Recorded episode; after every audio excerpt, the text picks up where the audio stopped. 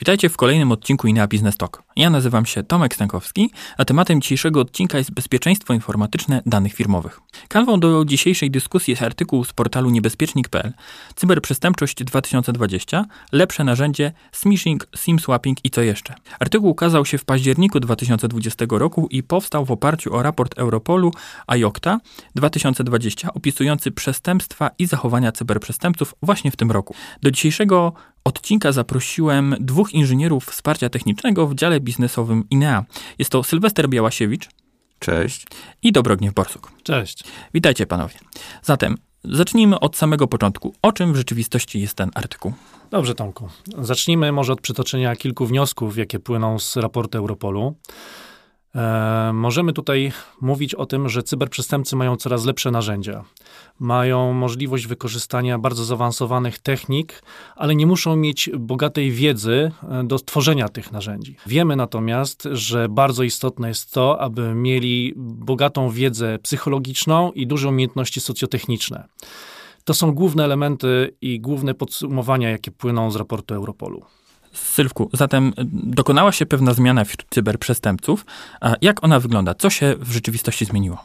Tak, wcześniej atakującymi to były osoby przedstawiane w filmach jako friki w za dużych swetrach, e, siedzące gdzieś w ciemnym pomieszczeniu, dokonujące ataków często na jakieś bardzo znane firmy, uznawane za bardzo bezpieczne, bo po prostu stanowiło to dla nich e, wyzwanie i e, pokazanie swojej e, wiedzy informatycznej. Skoro nie są to friki w przydużych swetrach, to jak dzisiaj wyglądają cyberprzestępcy i co oni robią? Dzisiaj to już wyspecjalizowane grupy przestępcze, które kupują e, narzędzia do ataków od takich osób lub od osób o bardzo dużej wiedzy informatycznej. Natomiast same ataki przeprowadzane są już przez osoby z dużą wiedzą socjotechniczną, psychologiczną. I to powoduje niewątpliwie to, że te ataki są bardzo profesjonalnie przygotowane. No i oczywiście trudniej się przed nimi e, ochronić. Na przytoczenie tych e, słów można pokazać trend, który opisany jest w tym artykule, e, Cybercrime as a Service. To trend, w którym można kupić gotowe narzędzia typu malware, botnet, bazy informacji, nawet usługi przygotowania rekonesansu, czy inne usługi chmurowe, które potrzebne są do wykonania takiego przestępstwa. Gniewko.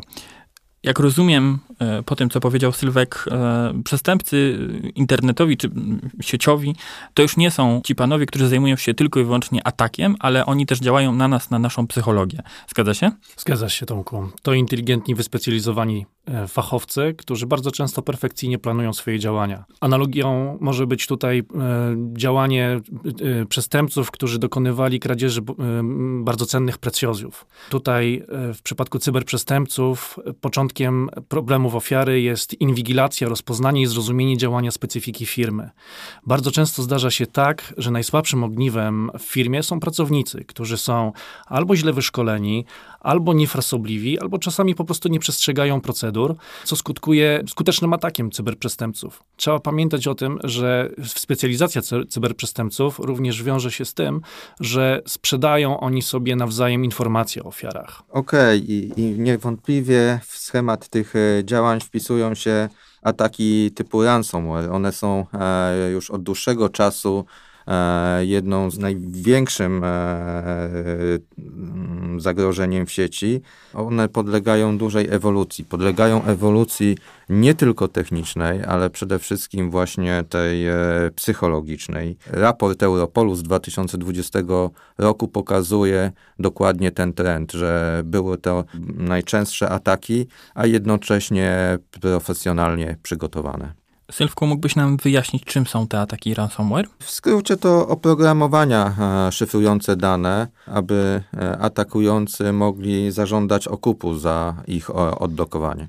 Żebyśmy dobrze zrozumieli, to jest ten komunikat, który już parę lat temu pojawiał się ludziom na komputerach, typu tu polska policja, zapłać, to ci odblokujemy, jak rozumiem. To jest to. Dokładnie tak, to jest jeden z e, przykładów. Dobra. Gniewko, w takim razie, e, co z tym problemem zrobić? Jak go rozwiązać?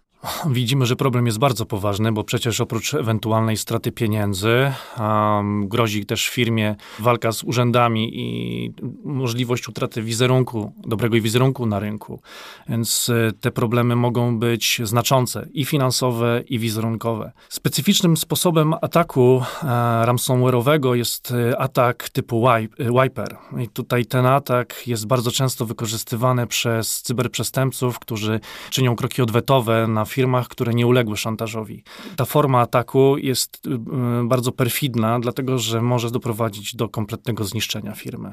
Sylwku, zatem jak się zabezpieczyć przed y, tego typu atakami? Czy dobrym pomysłem jest na przykład archiwizacja danych? Tak, dokładnie tak. Jednym z e, rodzajów zabezpieczeń to są narzędzia archiwizacji danych i tutaj mam na myśli backup lub replikacja e, lub obie e, te formy naraz. To jest e, najlepsze rozwiązanie.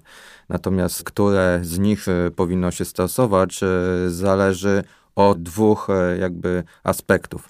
Pierwszy aspekt to jak szybko musimy przywrócić stan normalny i wówczas stosuje się replikację lub drugi jak dużo danych z jakiego okresu może zostać utracone. Wtedy stosuje się backup, który ma ki kilka kopii z dłuższych okresów czasu.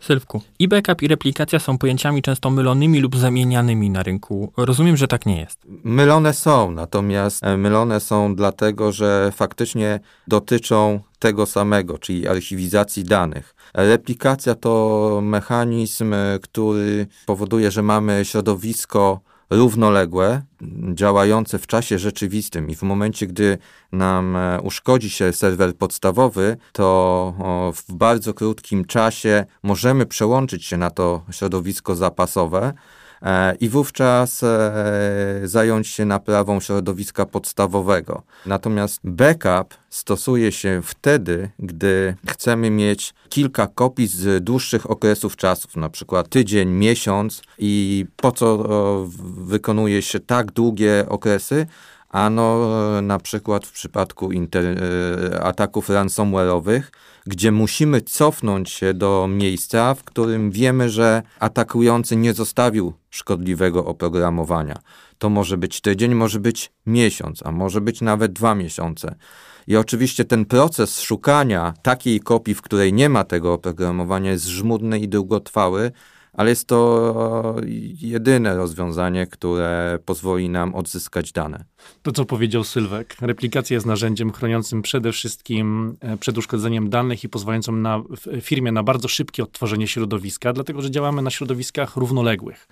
W przypadku backupu mamy możliwość e, przetrzymywania danych, e, łańcuchów retencyjnych, które pozwalają nam na znalezienie takiego punktu, który, w którym nie nastąpił jeszcze atak. Oczywiście to wszystko wymaga tego, żebyśmy mieli odpowiednio długie te łańcuchy retencyjne, a to też wiąże się z tym, żebyśmy mieli odpowiednio dużo przestrzeń na przetrzymywanie tych kopii bezpieczeństwa. Bardzo istotne jest to, żeby też pamiętać, że to replikacja i backup to e, rozwiązania kompleksowe, uzupełniające się i fajnie współdziałające, ale dotyczące tylko i wyłącznie środowiska serwerowego, czy to fizycznego, czy to wirtualnego. Natomiast nie możemy zapominać również o środowisku e, sieciowym, które trzeba by było też zabezpieczyć albo firewallem, albo UTM-em, chociażby jakimś y, zabezpieczeniem antywirusowym. I o firewallach, i o zabezpieczeniach antywirusowych pewnie już coś wiemy i są one dla nas zrozumiałe. Czym zatem są te UTM-y, o których wspomniałeś? UTM-y to taki wyspecjalizowany rodzaj firewalli, które są wzbogacone dodatkowymi algorytmami pozwalającymi na e, zabezpieczenia e, różnych poziomów sieci. I to pozwala na bardziej aktywną, na bardziej aktywny nadzór i zabezpieczenie firmy. Możemy tutaj mówić o zabezpieczeniach na poziomie ruchu, e, ruchu internetowego, ale również na poziomie aplikacji, które są na końcówkach klienta. Tak, ale Gniewko zauważ jeszcze jedną ciekawą rzecz, która pojawiła się w tym artykule, a mianowicie, żeby wzmocnić presję na firmie, która miałaby zapłacić ten okup, e, cyberprzestępcy posługują się atakami DDoSowymi. E, to tylko pokazuje, jak szeroki zakres jest zastosowania takich ataków. Ataki DDoS e, to jest rzecz, o której już mówiliśmy we wcześniejszych odcinkach, ale myślę, że ten temat nie został wyczerpany, więc gdybyście chcieli doprecyzować e, ten temat. W skrócie to atak wolumetryczny, który ma za zadanie unieszkodliwić, unieruchomić sieć. W związku z tym polega to na tym, że na adres publiczny IP przypisany do routera firmy, czyli adres, pod którym taka firma widziana jest w internecie. Wysyłanych jest wiele pakietów zapytań, przez co e, router przestaje pełnić swoje funkcje. No i w tym momencie firma nie ma dostępu do internetu. Jeśli firma świadczy usługi poprzez internet, to one stają się również niedostępne. Wiele firm integratorskich, Tomku, i operatorów dostrzega te zagrożenia i odpowiada szeregiem usług, które mają zminimalizować, starają się oczywiście wyeliminować, ale to bardzo, bardzo trudne, zagrożenia płynące z, od strony cyberprzestępców. INEA jako operator również wprowadziła usługi antydedosowe, które mogą być wykorzystywane przez bardzo szeroki wachlarz firm, bo te usługi pozwalają na wykorzystanie e, czy zabezpieczenie ruchu internetowego przez firmy, które mają niską, niską potrzebę e, na konsumpcję e, przepływności internetowej, jak i na, dla firm, które tego ruchu przerzucają bardzo dużo. Także tutaj bardzo istotnym elementem, który y, trzeba podkreślić, jest to, że y, usługa antydodosowa dostarczana przez y, operatora pozwala na zmniejszenie dystansu pomiędzy źródłem ataku a ofiarą i to jest idealne rozwiązanie dla klienta, dla klienta końcowego. INEA jest jednym z tych operatorów, który oferuje i formy replikacji i backupów. Jak sądzę, chodzi tutaj o data center, zgadza się? Jasne, Tomku. Co ważne, oprócz tego, że dajemy możliwość naszym klientom skolokowania ich sprzętu w naszym DC, możliwość wykorzystania naszych zasobów wirtualnych na stworzenie ich środowisk wirtualnych, Dajemy również wysokie zabezpieczenia energetyczne. Wspomnę tutaj o tym, że INEA Park jest podłączony dwoma niezależnymi źródłami zasilania. DC INEA jest zabezpieczone również e, dwoma agregatami i jest, e, ma bardzo mocną UPS-ownię. E, jeśli chodzi o kwestie bezpieczeństwa fizycznego, wspomnę tutaj o monitoringu wizyjnym, wspomnę o ochronie fizycznej, ale przede wszystkim o nadzorze ze strony inżynierów e, nadzoru systemu, czyli popularnemu NOC INEA. Dobrze, no mamy tych klientów, którzy coś mają w naszym data center, ale jest też grupa tych klientów, którzy nie mają e, zasobów data centerina. Co im możemy zaoferować? Mamy oczywiście także ofertę dla takich klientów i proponujemy e, im trzymanie kopii zapasowych swojego głównego środowiska w naszym data center i to pozwala im e, zrealizować złotą zasadę backupu, zasadę 321. O tej złotej zasadzie już troszeczkę mówiliśmy, ale myślę, że warto ją jeszcze raz przypomnieć dla bezpieczeństwa. Okej, okay, to prosta i uniwersalna reguła. Ona mówi, e, jak powinny być przechowywane kopie i gdzie powinny być trzymane. I trzy e, to po prostu zawsze miej przynajmniej trzy egzemplarze danych. Dwa, trzymaj je na dwóch różnych nośnikach, przynajmniej dwóch różnych nośnikach. I tutaj może być chmura, pendrive, zewnętrzny dysk twardy. No i jeden, e, przynajmniej jedną kopię trzymaj poza a, główną lokalizacją. Usłyszeliśmy już dzisiaj o bezpieczeństwie dosyć dużo informacji. E, zatem, gdybyście panowie zechcieli nam e, ten obszerny temat e, jeszcze raz podsumować w taką pigułkę informacyjną, zacznijmy może od Gniewka. Mm, dobrze, Tomku.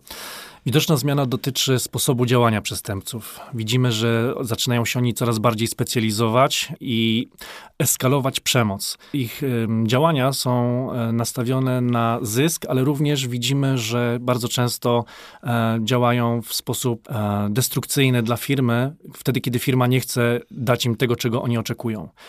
E, bardzo różne formy nacisku, jakie stosują cyberprzestępcy, też wymagają od firmy e, szerokiego, szerokiej skali zabezpieczeń, zarówno w branży, w dziedzinie IT, jak i w dziedzinie telekomunikacji.